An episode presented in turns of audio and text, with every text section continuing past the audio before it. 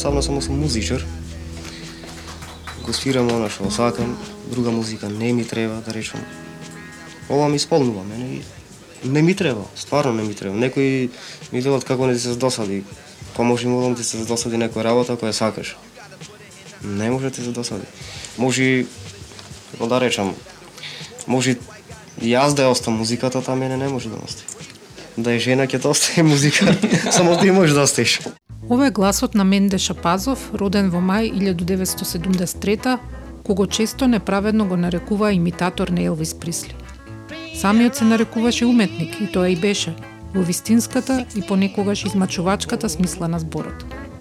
Во 2012-тата, неколку студенти од Институтот за етнологија и антропологија снимија краток документарец за и со него под наслов «Вива Лас Битова», 10 години подоцна, сегашна студентка, исто како и Менде Битолчанка, интервјуираше неколку мина негови пријатели и соработници.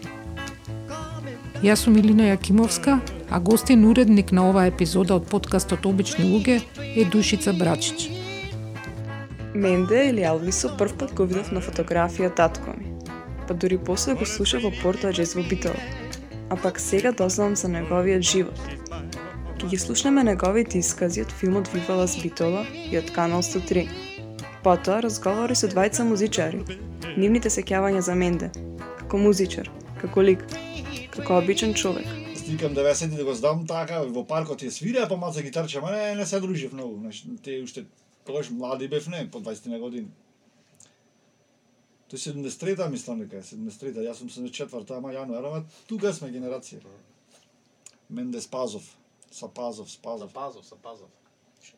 Шапазов, Сапазов. Шапазов. Ова е Сашо Паркет, фронтмен на битолскиот бенд Паркети. Неговиот брат, Зоран, настапуваше со Менде, познат и како Менде the Thunderstars. Но приказната на Менде почнува кон средината на 80-тите години во едно локално клубче во Јенимале, каде живеел до неговите 24-5 години. Имаш на клубче и ние како мали деца се фикавме во тоа клубчето и слушавме музика, али тогаш беше на плочи. Беше многу далеко поинтересно. Може и поскромно беше, али беше доста поинтересно, неголи денес кога се затворат со компјутерите со ова со она. И таму беше пат видов насртан беше Елвис. Не беше на слика, туку насртан беше тако син костум, некаде крајот на 60-тите, како што се носеше. Крал. Да. Така со микрофон беше врака. И јас прв пат таму слушнав од Елвис. Значи, пак испаѓа пред Битлси, да речам, али не кладов толку на ум. И баш кога се расформира то клубчето, е, Никола го држеше, тоа му беше фактички во куќата натре, таму се бера големите. Покрај ни фини е така. Трагавме цигари, се криевме од дом. Е, се расформира тоа клубчето и брат ми дојсе еден куп плочи од таму. Веќе повеќе не треба. И јас барав нешто што беше постаро. Не знам, од стално ме влече и филмови постари, та со Фред Астер, со ова, со она, нешто така поромантични работи. Малце времето беше такво. И и тие две плочи ги тргнав настрана. Ги тргнав настрана и имам старо шпора ги кладов. Во над. После се сеќам дека зедовме ми ова грамафон. Ова некаде беше, кажам, 84-83. Веќе и грамафони што се вели тогаш се слуша, на ленти послабо имаше. Има на лентите од Техеран, Багдад што му носеа, некои на пачо работеа, знаеш. За видеа што се вели не се знаеш, И се беше така на плочи. Зедовме така грамафон зедовме и ги пуштив тие плочи јас, едноставно, ти тие ги имав. Се сетив дека се во релната и ги извадов однатре и реков да видам што има. Летна сезона тама. И не изгореле. мене ми се бендисва како да решам тие бавните песни некако, поиќе.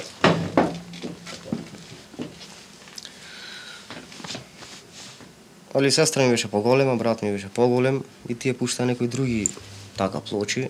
И јас па ги скрив, од страв да не се зафрлат. И направо ми се допадна ако слушнав. Иако ништо не разбирав англиски, поима немав, но ете така музиката нешто ми беше привлечна. crazy.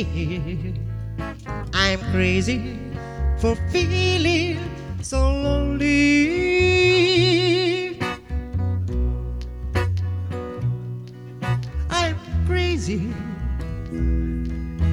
Crazy for feeling so good.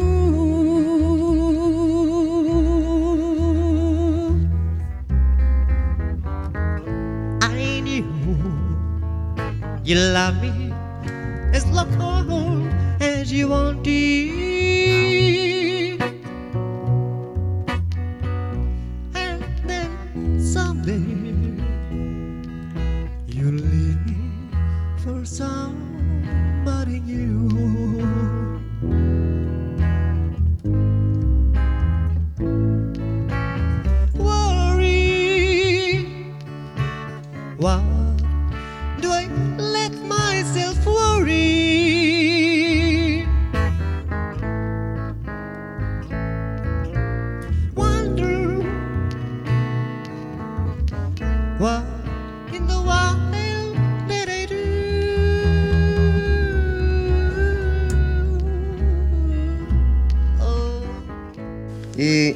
првата група што ја направивме некаде беше 90.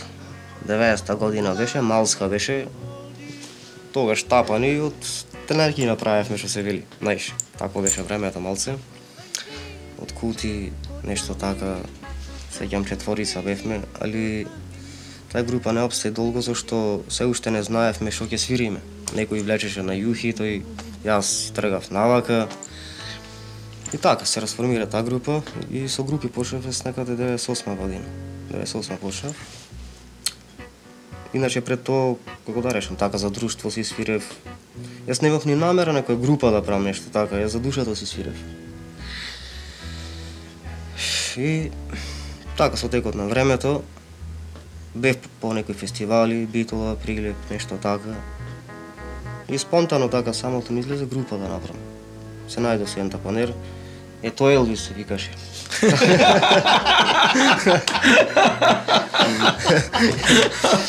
Елвис се викаше тој. И баш на Оливер му кажав, многу пати така. И многу се зближивме вака. Тој беше многу јак тапанер, ми е жал што замина Германија. Таму се жени, На печалба. се жени и си замина, нормално. Иде тој секоја година се гледаме.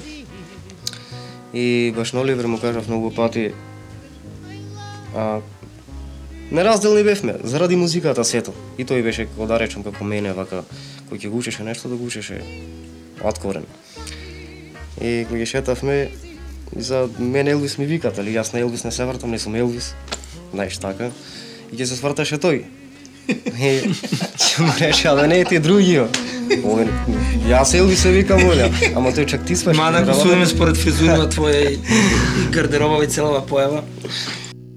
Некаде да кон крајот на 80-тите, во клас од 23-4 ученици, така наречената долна гимназија, односно таки даскало, Менде бил средношколец. Запишан на смер архитектура, заедно со Оливер Осифовски. Музичар во повеќе и основач на неколку групи, меѓу кои Љубојна. Другар на Мендичо, како што си го нарекува тој. Ние се запознавме затоа што учевме заедно во средно. Учевме втора и трета година во средно, јас прва не учев во долната гимназија, учев во горната и, и тука седеше на прва купа нај, најблиску до вратата. И исто беше таков со со кикиришка или класната сите пакет кога не бркаше јас имав долга коса. Некој имаше обетка и долга коса. А тој имаше ајде вие се носите ова надвор или со бакенбарди, тоа беше забрането да бидеш Да. Тако, требаше унифициран. И ти со буфантото. И ние надвор стоевме и другиот пат да се стриж, се разбира, никој не се стрижеше, А никој. тоаш веќе беше влезен во тој фазон како за Елвис Од секој пат. Аха. Иначе зашто би го носел тоа? Да, да, да. тоа е знак на препознавање кај Елвисите. Тоа е знак на препознавање и кошулата јаки, јаките, нели кренати. Тој го, знаеш како го препознаваше тоа време, да речеме, и во другото му изгледаше малце... Има луѓе фрлени од едно време да живеат во едно друго време. И тој си го препознаваше тоа и, ова друго, се тоа е, нели, беше вообичаена облека, а некој кој ќе видеше, а, тоа е тоа. И рок-н-ролашки. Има таков израз. И кола, јас имав една кола ваква ја набавив, Мерцедес, не? 73-та. Таков стар, да ме кол таймер и на него се учев да возам. И во едно време кога доаѓаше во Скопје, пошто многу често идеше, почна многу често да иде во Скопје и тоа беше, о, се случи тоа што го чекаме, деме. Во смисол, еве почна да работи концептот, ти тој немаше трага дека таа музика е забо- заборавена и дека никој пат пуќе нема да се врати, него, знаеш, тој тоа време, тоа е најдобро. И тој се каза, еј, рок-н-ролашка, е, ова е. Јас сакам да имам облека баш од тоа време да. Не се работи. Тем ќе сошијам, ќе направам. Ќе скинам истото, например, да ја видам на телевизија, на интернет да пуштам. Ама работата е шмекот, а тогаш да. Некој тоа го носил. Оживел, се облеквал, на игранки одел и са, а здраво зачувано се, само да испериш, истеглаше. Се најдва, например, во некој гардироб така, ние имаме, го да речам, тарашва, но тарашва на постари луѓе вака за најме нешто оригинално, па некои сакоа карирани во вана. Сега ќе свириме на numерот 56 година, сега 2006 сме, значи паѓи време да се подсетиме. Оли, Well, it's one for them all, two for the show. Did you get ready now? Go, get don't, don't you step on my blue suede shoes. you know anything but deal for my blues makes. Breaking out my face, slamming my name all the place. Doing the thing that you wanna do, all out, soon you to step Stepping my blues makes you lose. Breaking out the day but deal for my blues makes you.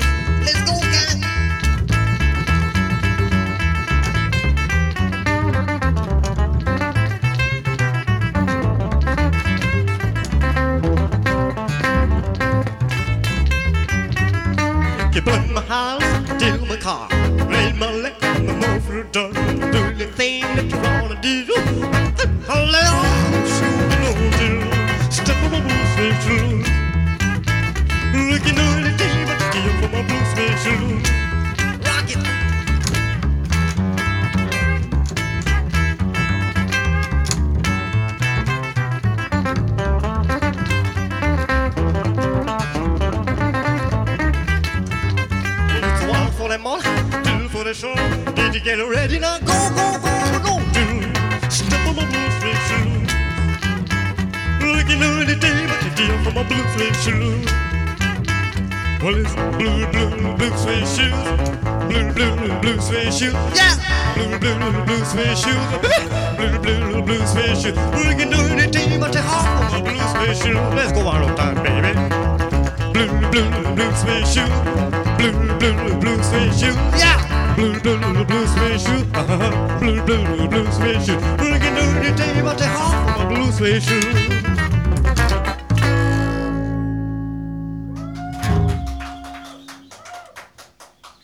Slabiček so vpečatljivi sino-zeleni oči, silen miris nafte šef Brion, verjetno je na cigari. Starite pantaloni par trenerki, zamu se taman. Opremen so češlje, a v pozreli tegodini so crna farba. Стилот беше одреден. Уште се почна со посериозно свирење. Кога се видевме на... Е, бе, кај си? Кога ќе свириме? И јас викам, ајде ќе свириме некој пат.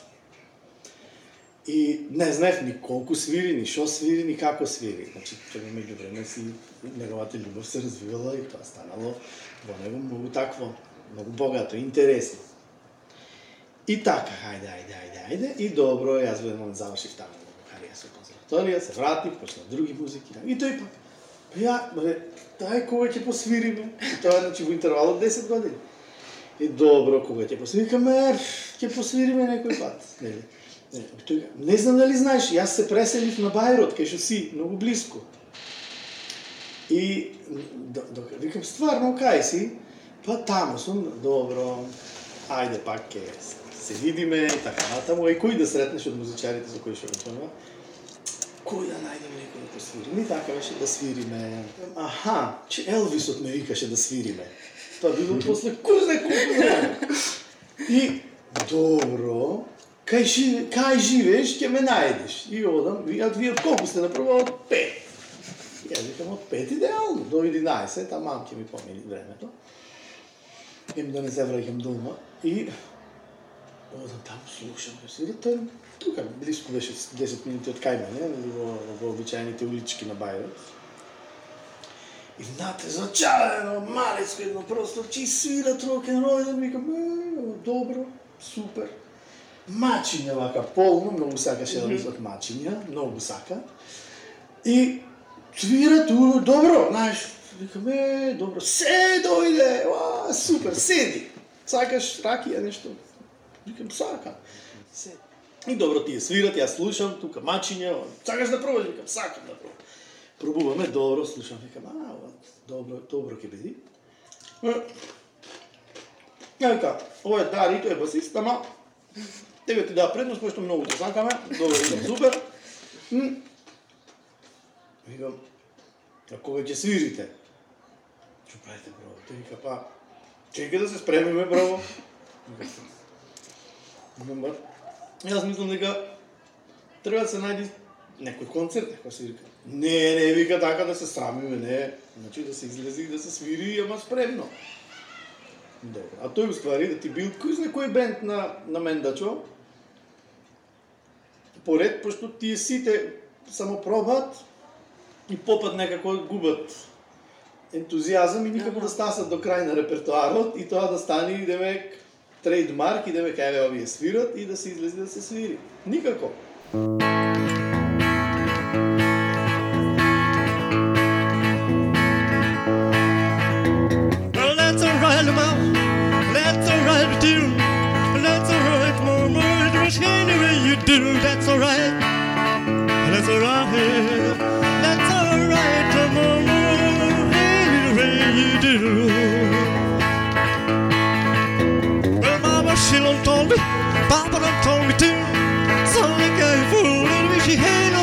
You. That's alright. That's alright. That's alright, Mama. Any way you do. Најми е фаворитот да снимам некои мои песни. Пред се музиката е таа. Значи, шо и да испеам, ритам овеќе тоа е постоја ако порано за некој новитет, да смешаш некој стил, како прво ако измешам така, ако да си измешам сами. Ова така е те кеф ме фатја на песна на тајна. radi ljudi je to šobarov. Znači, mene ne ide, to meni je bitno da sviram, da uživam, da se zabavam. Pred sve mi je mene kepo.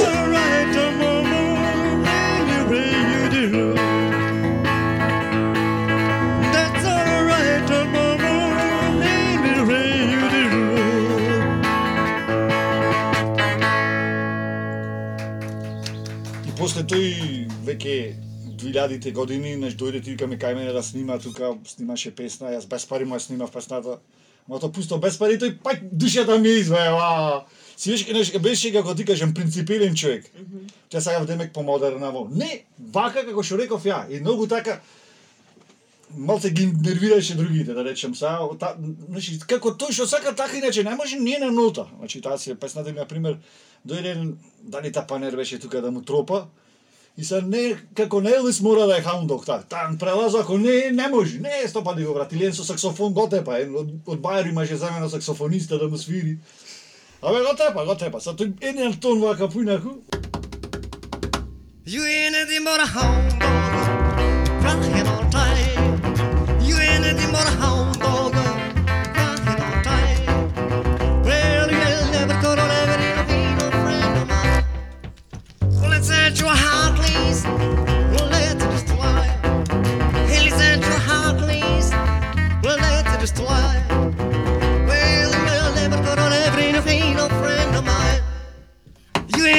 but a hound dog, crying all time. You ain't nothing but a hound dog,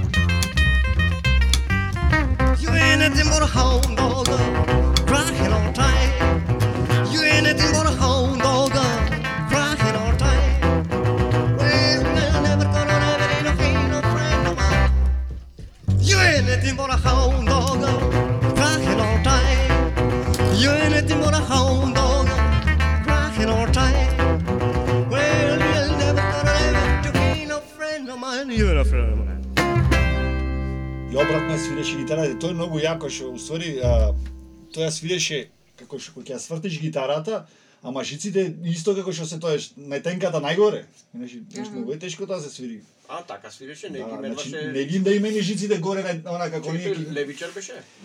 Левичар беше, да. Левичар, ама ги жиците ги... Жиците вака и обратно акордите. И тоа е многу заебано. Имаше многу добри финти. А, имаше многу добри финти, имаше извежбано. Например, многу ми се допаѓаше тоа, пошто имаше чувство за кога ќе седи вака човеченце малицко вака, кој ќе на сцена имаше една и, и си викат Елвисо, Ел, кај Елвисо? Нели, им- тоа ќе на сцена имаше на супер Звезда. Да, да, просто. Имаше финти едни, нека некако микрофонот тука од гитарата, ги- микрофонот тука, па вратот од гитарата, и некако ја доближуваше гитарата и правеше на микрофонот, многу јаки финти. Или шпага правеше и оттека Да. се кренеше. Но тоа се разбира кога ќе го фатеше бранот на на на, на добра изведба. Иначе знаеше тоа да траи посвири една минута на штима една минута и некако беше. Знаеш, а имаше моменти кога беше супер. Имаше моменти кога беше многу тешко да се Тоа е, знаеш како тоа е магија, мислам, тоа е, тоа е, се вика креативна магија во костим. Тоа во театар, за тоа ти требат реквизити како светло, како реквизити, нели? Ти треба публика, ти треба сцена, ти треба костим. А тој ништо тоа немаше, имаше само костим и тој беше. И се некој пат го правеше совршено добро, да можеш секој да излажиш. Не да излажиш, него секој да, го, да те доживее, ама без никој од тие реквизити театарски, дека ова е, вау, тој е. А некој пат тоа не се прави лесно и не е тоа баш така лесно да го носиш, нели, како да и носиш еден живот кој што Тоа што не е окей, а што боли и се, и се плаќа е тоа дека ти не даваш а, да, да влези друг живот во тебе за да можеш да си го спасиш овој. Има луѓе кои што живеат само со тој живот, а некако модерното живење или луѓето се научени друг еден да измислат за овој да си го чуваш па овде нешто да правиш, да работиш всушност, така за ова ти остани недопрено. И сега тоа е многу тешко, пошто ќе почнат да си сметат двете, ама барем во прво време еферски, а не ова единственото што е да го продаваш тоа. А и тој го, го правеше на некој специфичен начин, знаеш, не баше скапи гитари, скапи микрофони, него тоа се тежеше, тоа тежи за носење, тешко беше за продуцирање, за, знаеш, така. Плюс тоа човек кој е сам самец, многу тешко се програмира, се продуцира, а иначе денес целата уметност и спорт денес е се концепт. Не мора ти да си Елвис, само облечи си, просто облечи се после и оди на пазар, пример, нели? Тераси Е, не, ова не е така, ова е тоа е. И сега тоа е, таа е целата борба, нели како да биде тоа и колку ќе биде тоа. И така е тоа. Песната се вика Harbor Hotel или Срце кршачки хотел. Once as my baby left me, I found a new place to dwell. It's down at the end of Florida Street, and Heartbreak Hotel. You make me, you'll make me so lonely, baby.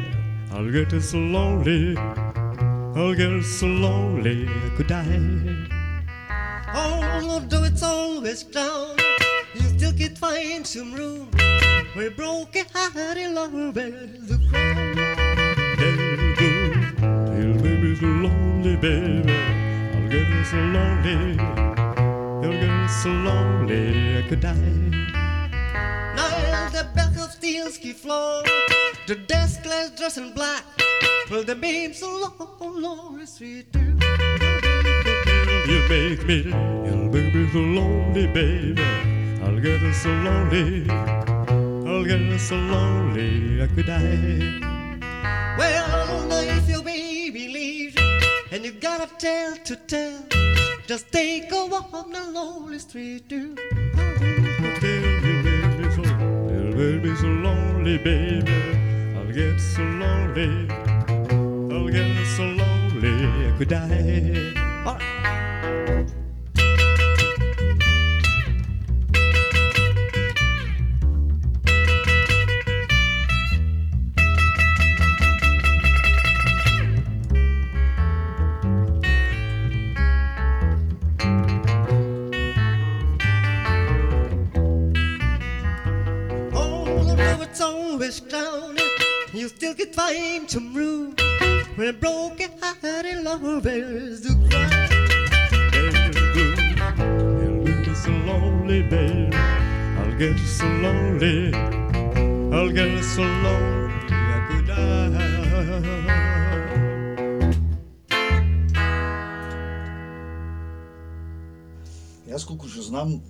Татко му многу рано починал. Менде дури бил мал. И таму и закопане менде кај татко му робо. Мајка му била дека време жива и тој со брат му порасна, има постар брат. Што така фризира фичина, такви некои работи, тој, знаеш, и тој е легенда, разбираш, таков брат му е. Значи, со брат му пораснат, И не знам, некој си има роднина, да нема па и сестра нешто се, не знам, нешто во странство. И затоа таа едно време тој оти немаше гитари, све имаше сами правено гитари. И некако таа сестрата или не знам кој беше, некој од странство му даде пари да си купи ова што имаше после гитара, оне и еден микрофон како на Елвис, од кај Нинџата имаше продавница онде кај Ѓорги Сугарев. И знам дека некој од странство му пушти пари. И тоа беше таа раната фаза. После едно време а, Менде се зафати со Оливер од Љубојна. Значи со Оливер од Љубојна и направи некоја си представа рок н рол Елвис Присли во во Скопје и тој живееше Скопје може година две и таму царојот и тој со умај луѓе се здружи и таму неш го спастрија малце.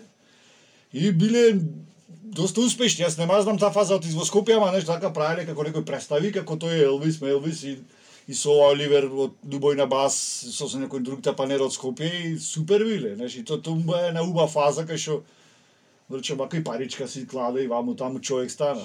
Го носев со такси, јас таксиста бев, го носев во Охрид. Али во Струга беше, може во Струга беше. Свираа тогаш Славе му тропаше, знаеш, убаво бенче има. Абе, таму беше Илвис. Знаеш, како го сака ја, еј, водам е, Ама имаше на мана, нека ми прости менде, се штима. Иначе јебава атмосфера. Да, абе сите луѓе да кефој се нешто, ти убаво му свири интересен, така? Тоа кој ќе фати не наши пред 15 минути супер муси, после кој земе 5 минути, ни ни та гитарата, да, та да, жици никош не сменати, разбираш. И така мацама го сакај луѓето, еј, го сакај Значи вака пошто интересен е такви песни никој не свири, нешто како Абе свиреше јас тикам, ето тој е на пример 2007-2008 јас кога го носев, тој веќе беше славен. Значи луѓето кај што го сака го сака, кој сака таква рок н рол музика и јас на пример, на пример Blue Moon од Elvis Presley кој ќе ја запееше, мен па немам случајно во светот што има испеано освен Крис Айсак, разбираш, како ти кажам, до пеето така жално го има го имаше таквото. Разбираш, значи е, како високо гласче да го крева така со фалсети. Имало период кога Менде правил свирки во Хрватска, а одредено време бил во Скопје, пренојкивал кај Оли. Се спремале за представа во Охрид, наречена У жените жени на Мулиер. Што сот бил да бидат како од 50-тите? ролашки. Од бендот биле соперики. Само Менде не. Тој си бил оригинал. Стојка носеше една ставак еден за микрофонот, многу тежок. И појачало едни кој се следеше од автобус и вика, менде, шо ги носиш овие работи? Не. Чи да били се топ. Оф, море мајко, викам, дај другиот пат барем не носи едно од овие да може да се преносуваш. Не, баба, јас така се се викав. Така се викаме сите баба. Не, деме, оти тој беше рок-н-ролаш микрофон, добро. Проби фативме, за тоа. Ама тоа, театарот е играчка која што ти прави една, едно чувство на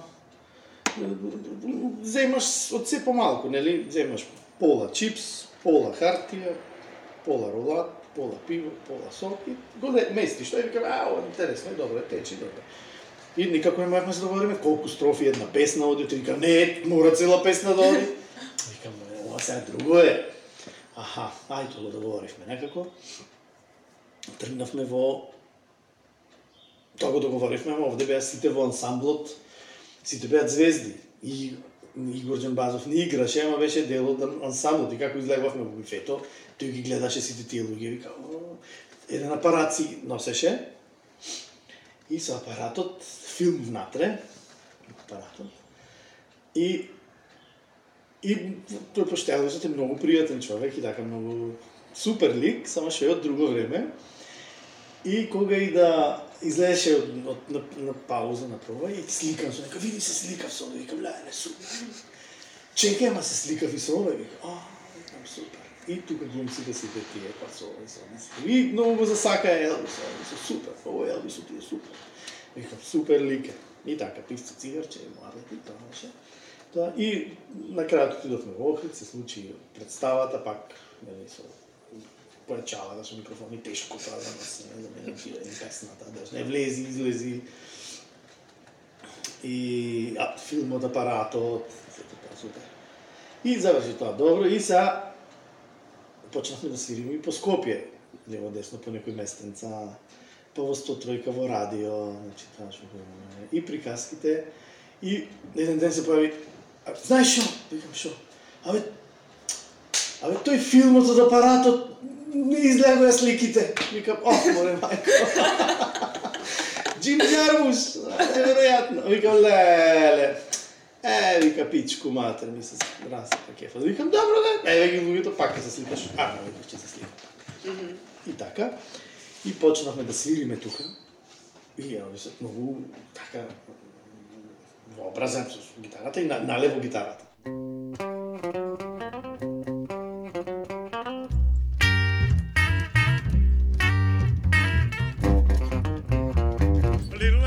Conversation, a more action. A little satisfaction is satisfaction on me. Little more bite and a little less. A little less fight, a little more spark. So bite it open at your heart, baby, satisfy me. Satisfy me, baby.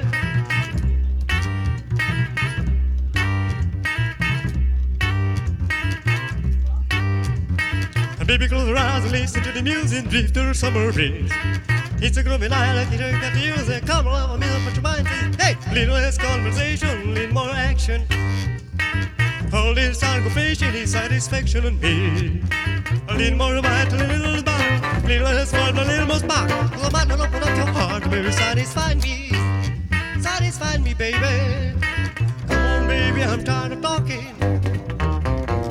Grab your collar, let's start walking.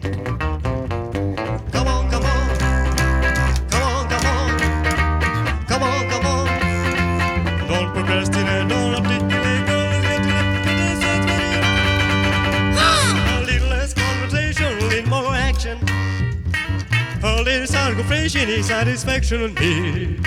A little more bite, a little less bite, a little less fun, a little more smile. A little bite, open up your heart, will satisfy me. Satisfy me, baby.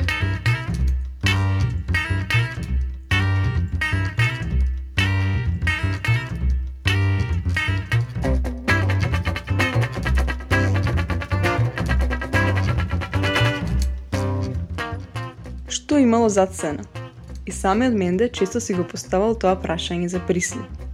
Naučil mnogo za njega prebarovalki na internet. Uživo da razkaževa za njega.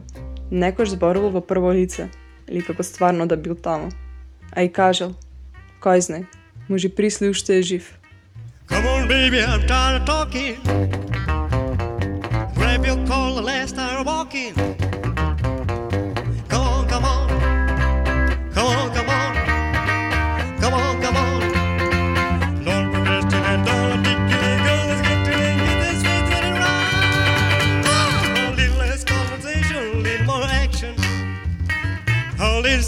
Satisfaction is satisfaction on me.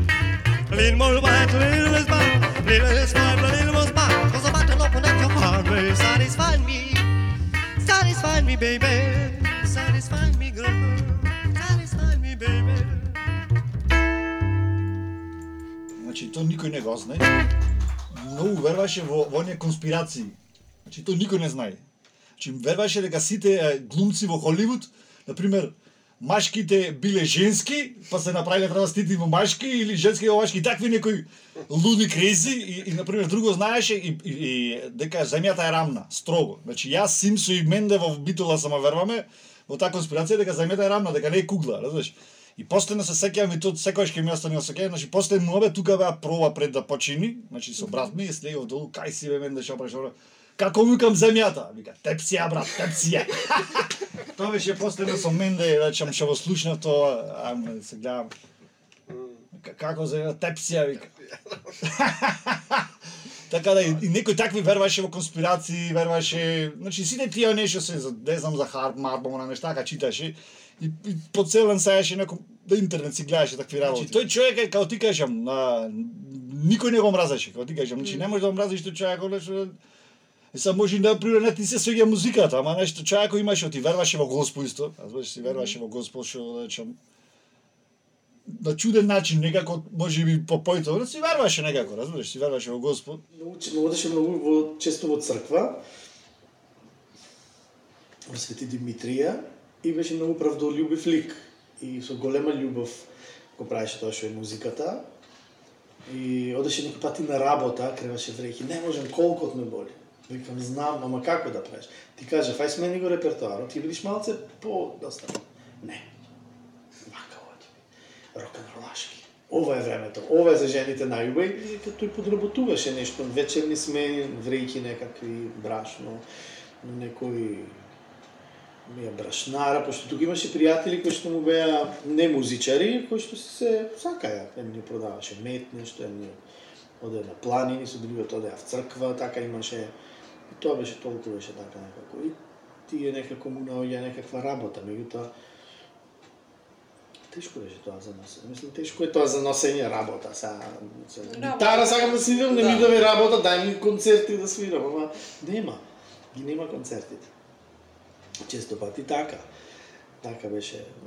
Така е. Мислам, некако тргна работата во еден момент и сите го, сите го дознаја, тој, тој си е оригинал, тој, тој си беше тоа. Мислам, тој си е, тој си беше тоа, знаеш не се чувствуваше удобно, сега нема пари за цигари, не знам, разбираш што не го заслужува никој, ама како се наоѓа рецепт за да имаш ова е прашањето, тоа е финта таму. Тој никој пат не го кажуваше тоа дека немам пари за цигари. Го подразбираш на некој начин тоа, аха, окей. Ама тој не, не, нема гајле со тоа. Може би бил во обштеството, ама не, пошто беше прекрасен лик. Мислам, мене ми недостасува, нас не недостасува некој пат од тие од ти ќе се јавиш од нигде никаде, са окей, не може стално да има свирки или нешто, ама ќе се јавиш е, е, или ќе пишеше нешто. Нездрава храна, пиење многу кафење, пушење цигари, го на телото на менте. Последната свирка била во Прилеп, во кафе барот Take 5, каде доживеал срцев удар. Неколку месеци после тоа, на 28 септември 2019 година и вториот. Погребан е заедно со татко му. Ке се одивам суштена приказна што ни ја каже Оли. На домофон Менде ја пеел Are you lonesome tonight? како услов за влез во зградата. Ја пуштивме песната. Слушавме без збор да кажеме, а во позадина само чукувањето на сатот. Руми напишал. Личи на крај, личи на залез, но тоа е изгрев. Кога гробот ќе те покрие, душата се слободува. Уште еднаш, Рокенролашки, Душата на Менда. Сега си на песна да ја наречам така е незаборавна. Барем така третират. Иначе се вика Are you lonesome tonight? Ако таа што мислам дека е осамена, ќе му засвирам ова.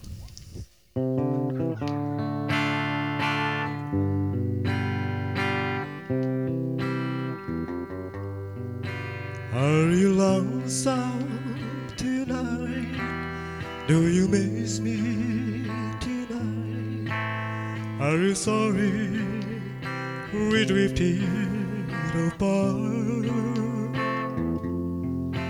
Does your memory stray to the bright summer day when I kissed you and called you sweetheart?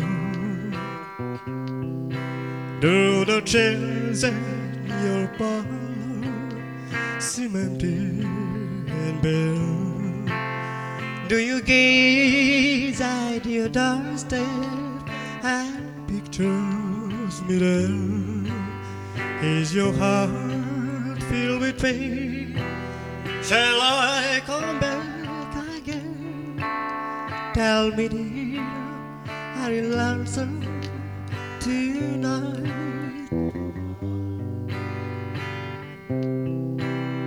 I wonder if you lost tonight. You Gemensamt the there was a stain that you must play a part. För den vi playing in love, deras musik har akt på massor av element. I loved it at first glance. You're the lines of trouble and never secure.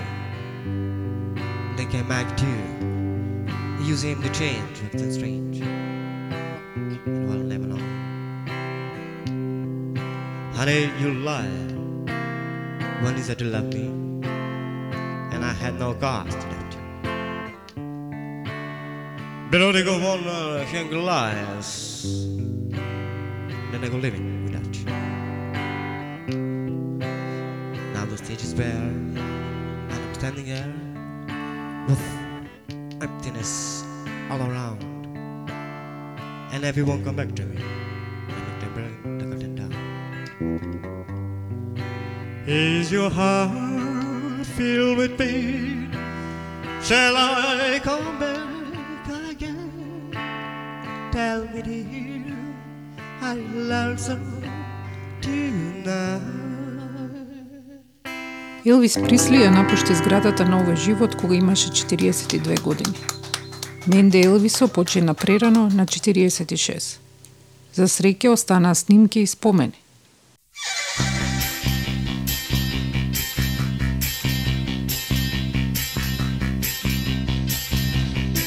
Во емисијата се користени материјали од концерт и интервју на Менде во емисијата на Ѓорги Митревски на Канал 103 од 2006 година. Благодарност до него, до соговорниците и до Душица која ги направи интервјуата и транскрипциите. Јас сум Илина Јакимовска, аудиомонтажа Бојан Угриновски. За целосен транскрипт и фотографии посетете го нашиот сајт обичнилуѓе.мк.